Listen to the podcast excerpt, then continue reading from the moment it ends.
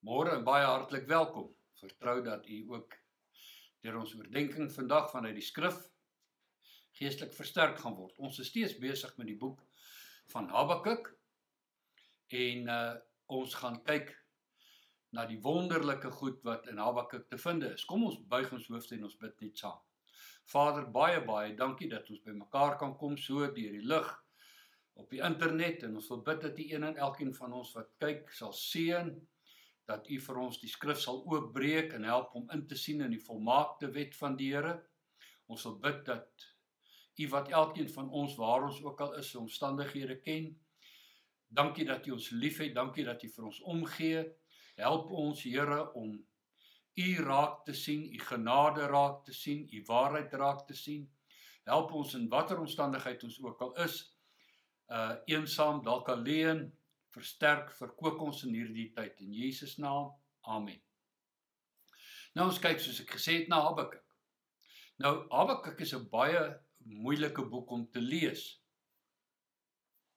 Trouwens die hele Bybel is vir baie mense moeilik om te lees. Maar God se Gees bring vir 'n mens verligting en insig. Uh deur jou verstand te open om die skrifte te verstaan. En ons gaan kyk of ons vandag kan verstaan wat in Habakuk aan die gang is. Nou Habakuk is die enigste boek in die Bybel wat primêr gaan oor 'n gesprek tussen die profeet Habakuk en God. Dis 'n twee gesprek waar Habakuk vra vra, antwoorde soek en die Here antwoord. Uh Habakuk voel waar hy sit dat hy leef in 'n wêreld waar ongeregtigheid seevier. Waar sonde, onreg, verdrukking, uitbuiting, moord en doodslag aan die orde van die dag is en hy vra al hierdie waaroms. Hoekom Here? Hoe lank Here? Wanneer antwoord U my Here? Hy voel hulpeloos en hy is hulpeloos.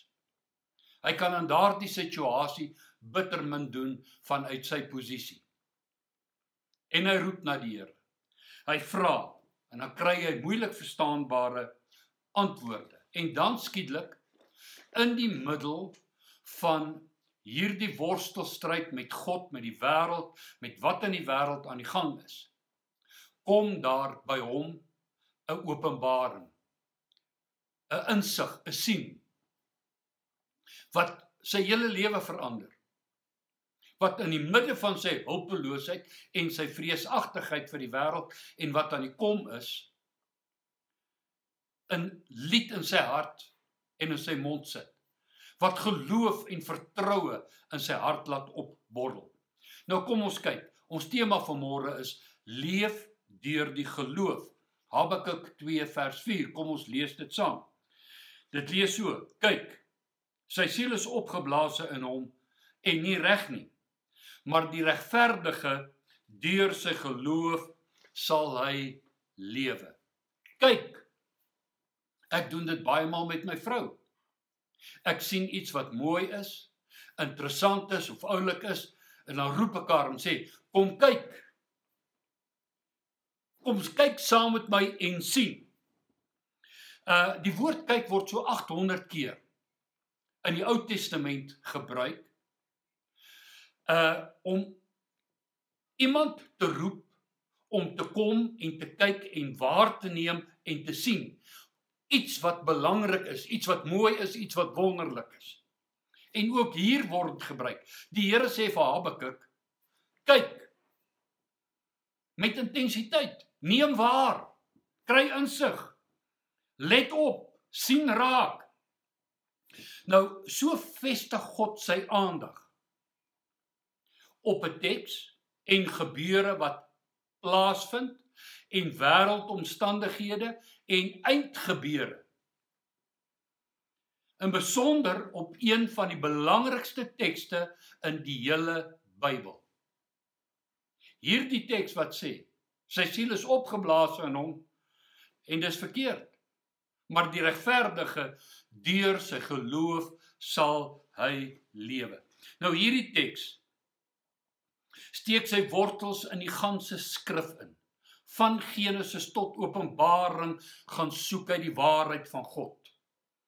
Hy sprei sy takke oor die hele Bybel, oor al die profesieë, oor al die waarhede, oor al die gebeure. Kort en kragtig. Praat hy eers oor die sondaar, die goddelose wat sonder God is. En dan die regverdige. En hy sê kort en kragtig, die regverdige deur sy geloof sal hy lewe. Kom ons gesels oor geloof. Nou moet ons onmiddellik reg verstaan. Baie duidelik verstaan dat Christene glo nie in geloof nie. Hoor my. Ons glo nie in geloof nie. Christene glo God. Christene glo die Here Jesus Christus. En daar's 'n reuse verskil tussen die twee uitgangspunte. As jy in die wêreld rondkyk vandag, sal jy dink dat geloof is hierdie fantastiese wonderlike ding waardeur ons enige iets kan doen en bereik. Christene glo nie in geloof nie. Geloof se fokus is God. Dit wat God sê. Daar's 'n reuse verwarring in die wêreld. In die kerk, in die samelewing oor geloof en wat dit is. Geloof word verwar met positiewe denke.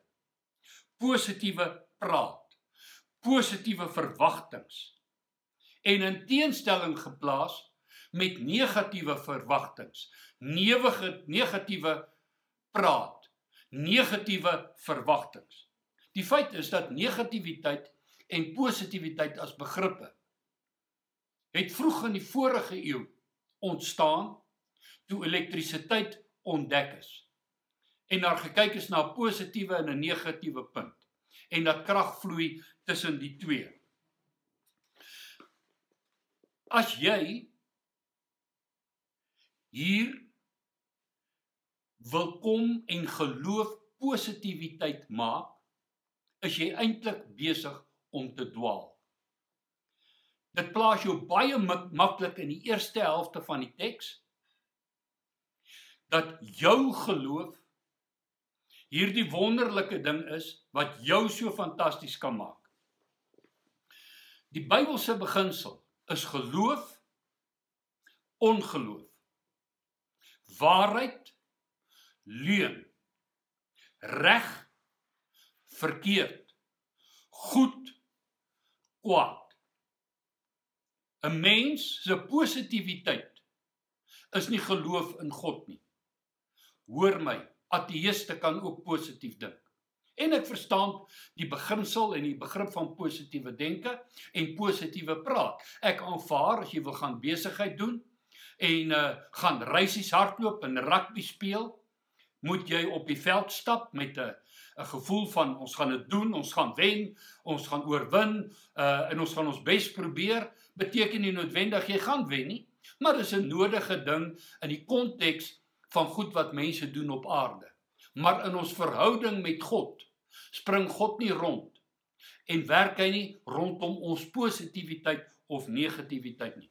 Daar is talle voorbeelde in die Heilige Skrif rondom positiwiteit wat nie gewerk het Byvoorbeeld, Samson was vreeslik positief. Net voordat hulle sy oë uitgebrand en 'n donkie van hom gemaak het. Die skrif sê hy het positief gedink. Ek sal soos in die verlede weer 'n keer opstaan, die toue stukkend breek, die bande afruk, hulle verslaan. Maar hy het nie geweet dat God hom verlaat het nie. Lees Rigter 16 vers 20. Hy het positief gesê, positief gedink en gesing.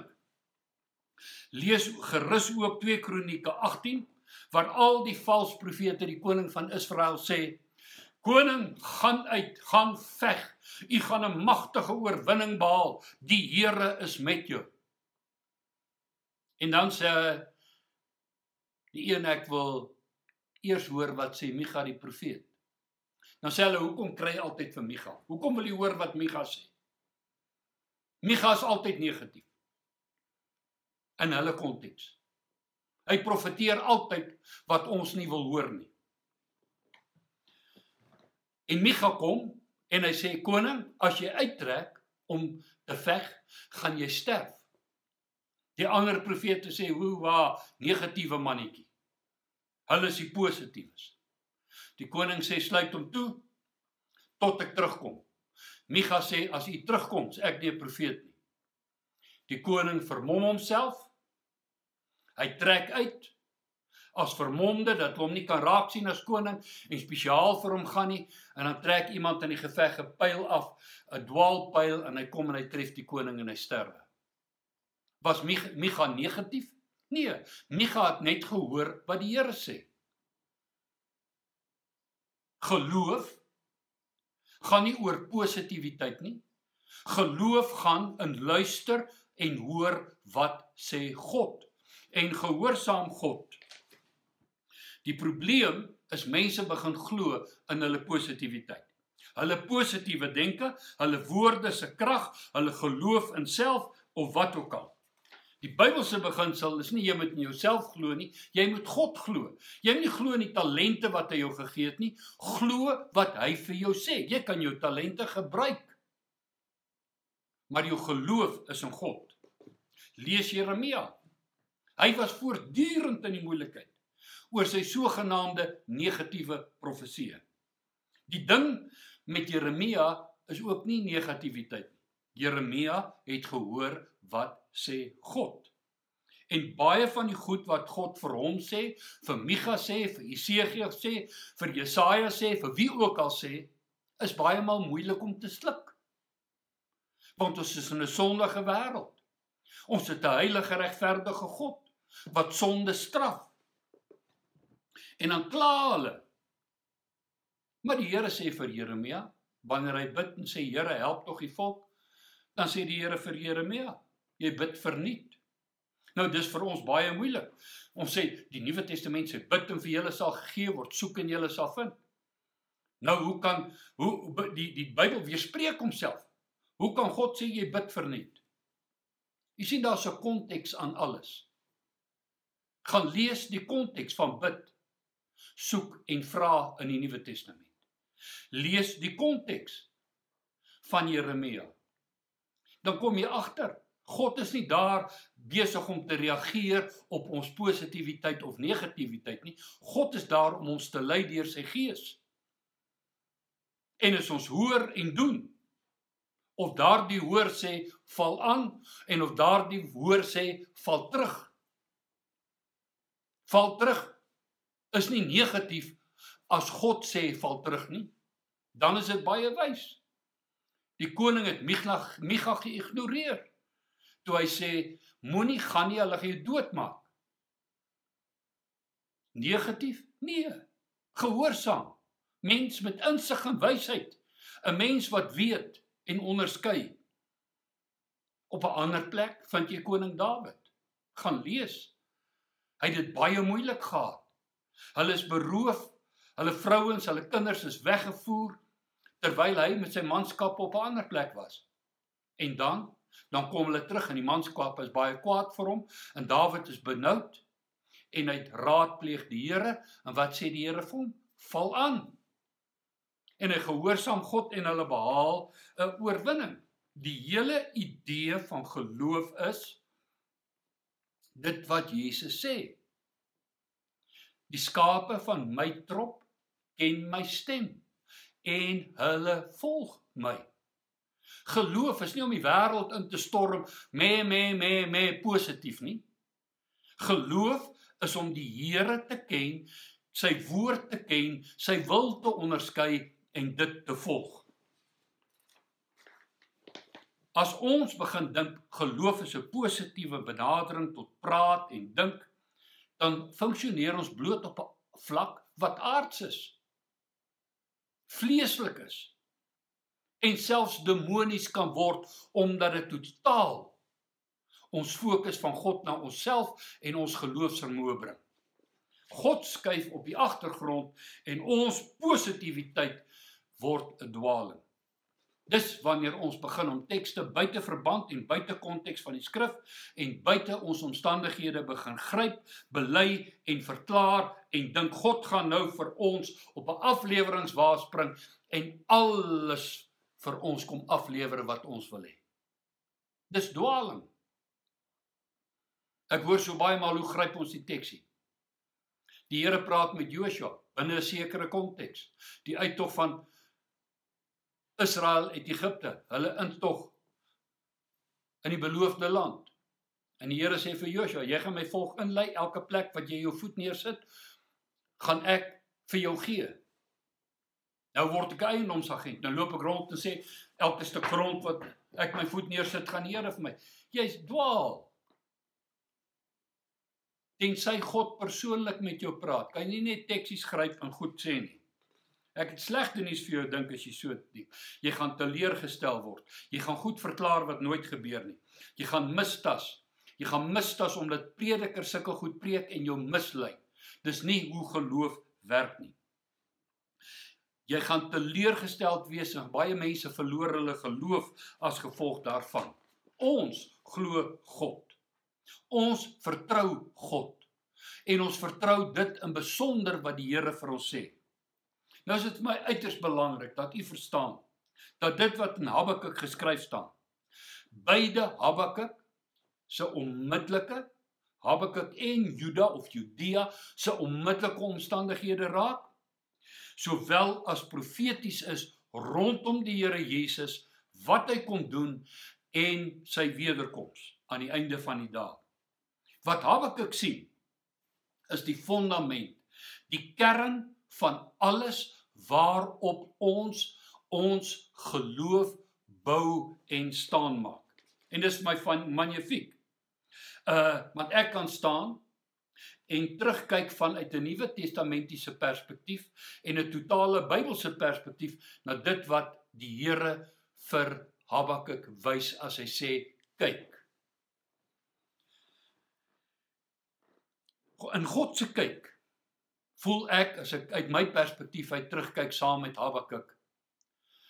Ek voel ek word in 'n heuningpot van waarheid, 'n heuningpot van die evangelie van Jesus Christus, die openbaring van God, die werke en die handel van God met die mensdom ingedruk.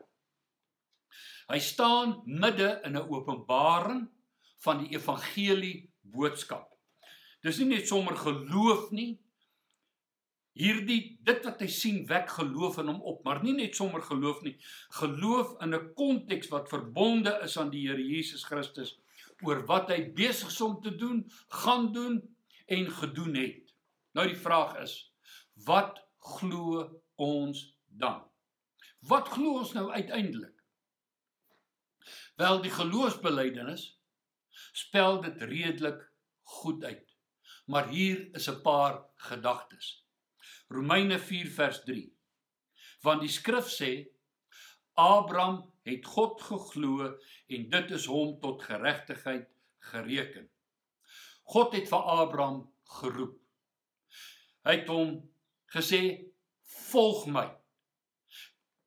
Ek vat jou na 'n plek wat ek vir jou sal wys. En dan lees ons en Abraham het God geglo. Omdat hy geglo het, het hy agter God aangetrek sonder om te weet waar hy sou kom. Dietrich Bonhoeffer stel dit baie duidelik. Die jong Duitse predikant wat deur Hitler op die laaste dag van die oorlog aan 'n vioolsnaar tereggestel is. Bonhoeffer sê: Hy wat glo, volg. Hy wat sê glo maar nie volg nie, is 'n leienaar. Hy gaan verder. Hy sê hy wat volg, glo. Abraham glo God. Daarom volg hy God.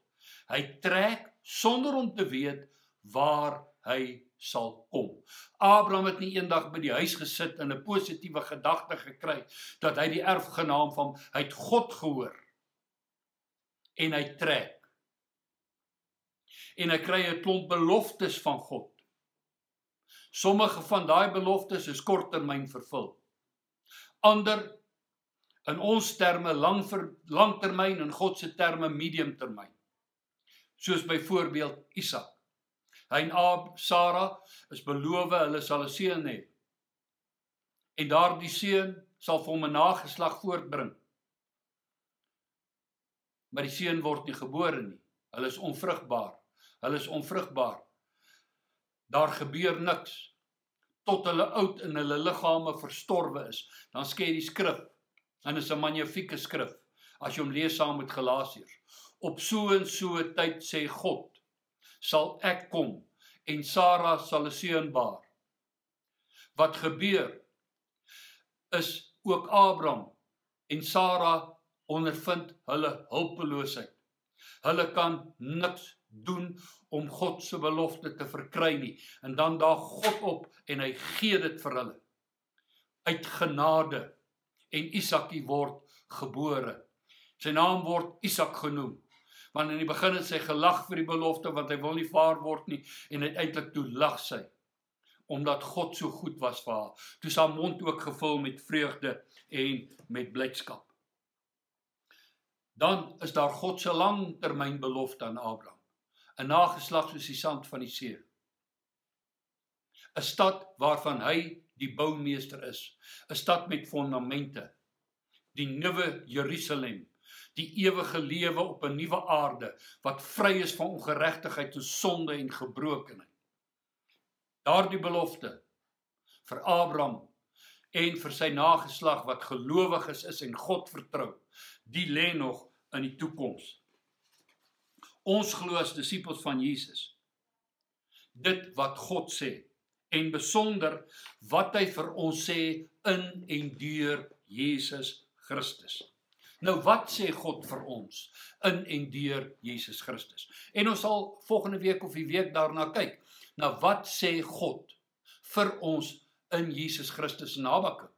Maar vir vandag Romeine 3 vers 23 sê die Here vir ons almal het gesondig en dit ontbreek hulle aan die heerlikheid van God. Dis wat Habakuk beleef. Absolute hulpeloosheid. Daar is geen vermoë in hom om hierdie wêreld rondom hom reg te maak nie. Daar's geen vermoë in hom om hierdie vyand wat aan die kom is te stuit nie.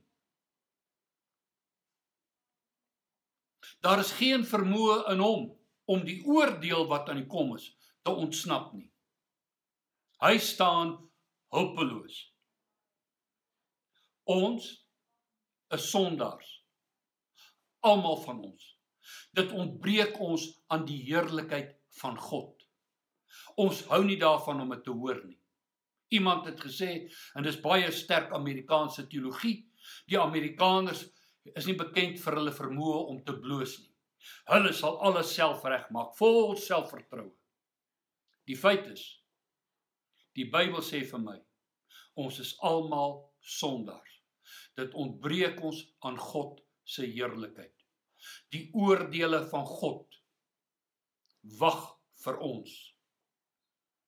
Hy gaan na ons kyk. Hy ken ons harte, hy ken die verrotting van ons harte uh Romeine 6 vers 23 die loon van die sonde is die dood. Maar die genadegawe van God is die ewige lewe in Christus Jesus ons Here. Nou as die Bybel sê ons is almal sondaars is die Bybel nie negatief nie. Dis nie 'n negatiewe benadering tot mooi mooi oulike talentvolle wonderlike suksesvolle mense nie. Dis bloot die waarheid. Ons het almal gesondig Bedrieglik is die hart van die mens bo alle dinge. Al lyk hulle hoe mooi, al lyk hulle hoe vroom, al is hulle predikante, al is hulle die paus, al is hulle priesters met hoë posisies.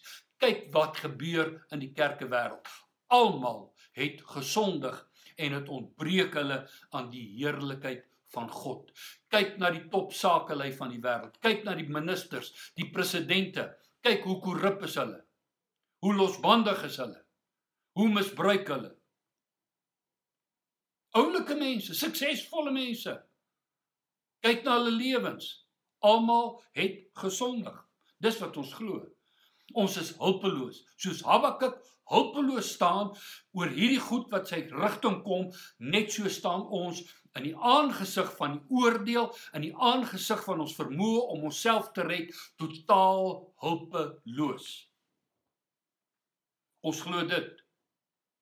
Ons glo dat daardie kruishout op Golgotha gestaan het omdat God my as individu wil begenadig vanweë sy liefde en sy goedheid. Ons glo dat Jesus sy lewe daar veroffer het as 'n verzoening vir ons sonde en ook vir die van die hele wêreld. Ons glo dat Jesus deur sy bloed vir ons vergifnis, kwytskelding, sowel as verlossing, wedergeboorte, geestelike vernuwing, die wet vat en in ons harte kom skrywe en ons nuwe skepsele in hom kom maak en dat hy met ons 'n pad deur die Heilige Gees loop van heiligmaking. Ons glo dat daar vir hulle wat soos Abraham God glo, dat die stad waarin hulle woon, die wêreld waarin hulle lewe, 'n goddelose verlore stad is Babylon. Ur van die Galdeërs voorheen gewees. En dat ons moet pad gee uit hom uit na 'n plek wat ons nie kan sien nie wat God aan ons beloof. Ons glo saam met Abraham dat daar 'n stad is waarvan God die boumeester is. Ons glo in die ewige lewe wat God aan Abraham beloor, beloof het, ook ons in is as ons trek en God volg en gehoorsaam en aan sy beloftes vashou. Ons glo dat terwyl ons steeds in hierdie gebroke wêreld leef, dat God deur die Heilige Gees by ons is en dat alles wat hier gebeur ten goeie meewerk vir die wat hom liefhet. Ons glo dat niks ons sal skei van die liefde van God wat daar vir ons in die Here Jesus Christus is nie. Nie huidige dinge of komende dinge. Nie hoogte of diepte, nie magte of owerhede. Nie lewe of dood of enige ander skepsel ons kan skei van God se liefde vir ons in Christus Jesus ons Here nie. Habakuk kyk en hy sien die lam van God wat die sonde van die wêreld wegneem. Habakuk sien die wederkoms van die Here Jesus Christus as die leeu uit die stam van Juda wat die goddelose kom straf en alles kom regmaak wat verkeerd is in hierdie wêreld. En hy sien die genade van God in Jesus Christus. Hy sien die redding en verlossing wat daar vir ons is. Hy sien dat hierdie saak waaraan hy niks kan doen nie. As hy sy saak met God reg het, gaan die Here hom in hierdie saak deurdra en bewaar. Hy sien dat God hom gaan help om wat ook al kom te hanteer, dat God hom krag gaan gee, hom gaan sterk maak hom gaan bystaan. Soos Paulus tereg sê oor die hantering van lewensstorms in Filippense 4 vers 13. Ek is tot alles in staat deur Christus wat my krag gee. Besef jy 'n virus is 'n skepsel. 'n uiters gevaarlike skepsel. Nietemin bloot 'n skepsel. En daar is net een Skepper. Lees Johannes 1. In die begin was die woord en die woord was by God en die woord was God. En alle dinge wat ontstaan het, het deur hom ontstaan en sonder hom het nie een ding ontstaan wat ontstaan het nie. Lees Kolossense. Hy's die eersteling van die ganse skepping. Alles is deur hom tot hom en vir hom geskape. Hy is die skepper van alles wat lewe. Hy's die skepper van alles wat jy sien. Hy's die skepper van die heelal. Dit mag wees dat hierdie virus 'n mutasie is. Dit mag wees dat hierdie virus 'n skepping is van goddelose mense wat 'n uh, virusse en en en genetiese materiaal manipuleer En hierdie virus wat menslike lewe ondermyn en doodsaai, is maar bloot dit as gevolg van sonde wat oor die aarde hang en die feit dat die wêreld in die mag van die bose is en die feit dat daar 'n vloek op hierdie wêreld is. Wat hierdie virus ook al is, bloot 'n skepsel. En net soos die bose, Satan 'n skepsel is. En al die owerhede en die magte teen wie ons wortel, bloot skepsels is. En geen skepsel enige ander skepsel kan ons skei van die liefde van God wat daar in Christus Jesus die Here is nie. Hierdie virus kan my nie skei van God se liefde nie. Of ek oorleef en of ek sterwe. God se liefde omvou my as gelowige. Dis wat Habakuk ontdek. Hier in die groot moeilikheid. Hier in sy hulpeloos. Hier in die aangesig van die wrede Assiriërs wat kom. Hier in die aangesig erger nog van God wat voor die Assiriërs uittrek. En voor hom uittrek koors en agter hom of voor hom uittrek die pes en agter hom kom die koors. Die oordeel van God staan hy hulpeloos voor. Dit gaan gebeur. Dit kom. Wat kan ek doen? Ek kan niks daaraan doen nie. Maar as my saak met God reg is, as ek die Here vrees, as ek God vertrou in Christus Jesus, dan is ek veilig. Wanneer ek bang is, God is by my. Hy's betrokke by my. Wat glo ons? Ons glo ons lewe is deur Christus verborge in God. En dit is dit. Dis in 'n geval wat ek glo. Waarom glo ek dit? Omdat ek weet in wie ek glo. Hy het my gered. Hy het my geroep. Hy het my verlos. Hy het my lewe kom nuut maak. Hy's op pad met my lewe. Die skrif sê hy sal my nooit begewe en my nooit verlaat nie. Uh watter teëspoed of voorspoed ek ook al belewe, uh die Here is by my, die Here is my herder. Hy dek vir my 'n tafel. Hy's by my in die teenwoordigheid van die dood in die in die, in in in in die dal van doodskare weer. Ek is 'n volgeling van Jesus Christus. Hy gaan my nie verlaat nie. Hy gaan my die krag gee. Ek kan hanteer wat oor hierdie lewe op hierdie lewe oor my pad kom en dis nie positiwiteit nie. Dis 'n vertroue in God. Ek kan nie sê die virus gaan nie naby my kom nie. Ek weet ek is in God se hande. Ons moet besef ons staan hulpeloos teenoor baie goed in hierdie wêreld. Groot, sterk manne. Groot, fiks, gesonde manne. Groot, arrogante manne is vandag reusagtig suksesvol. Môre kry hy hartaanval en hy's dood. Môre kom hy agter. Ek het baie gepraat. Ek het baie te sê gehad. Ek was baie slim. Ek was 'n vreeslike positiewe mens. Maar my lewe is nie altyd in my eie hande nie my gepraat beïndruk nie noodwendig vir God nie. Ek staan soos Habakuk. En ek kyk rondom my en ek vra hoekom Here, waarom Here, hoe Here, wanneer Here? En dan kom die besef. Ek is eintlik so klein. Ek is eintlik so verganklik. Ek is eintlik so sondig. Maar op 'n heuwel daar ver staan 'n ou ruwe kruis. En ek klem aan daardie kruis. Ek weet uit genade is ek gered. Nie uit myself nie. Nie uit my gepraat nie. Ja. Die genade laat my praat. Die genade laat my glo. Die genade laat my sê die Here is my herder. Dis nie ek wat so spesiaal is dat God my herder is nie.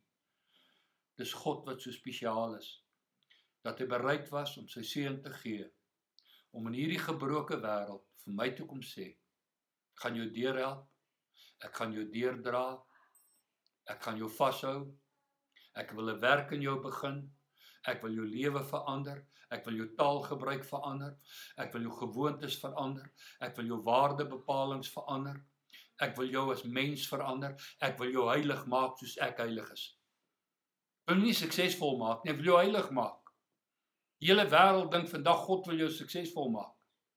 Hy wil jou heilig maak. Hy wil jou rein maak. Hy wil jou skoon maak. Hy wil jou kind van hom maak.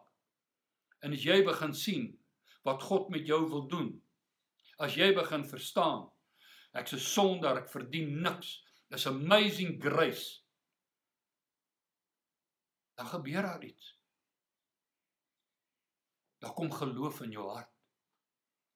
Daar kom 'n loflied in jou mond. Daar kom blye versekering Jesus is myn.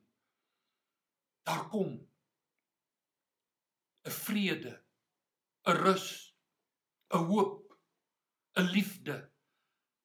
'n liefde vir God, vir sy heilige naam. Dit is wat Habakuk raak sien in sy noodsituasie. Hy besef die Here, hy is God. Hy's in beheer van alle dinge. En ek ek as sy kind ek is in sy hande. En al gebeur wat, nogtans sal ek jubel in die Here. Ek sal juig in die God van my heil, want die Here, Here is my sterkte. Hy's my bron van krag, nie ek nie. Nie my vermoëns en my talente en my krag om die swaard te veg nie. Iemand het eendag 'n mooi ding gesê. Dink hulle het 'n liedjie geskryf.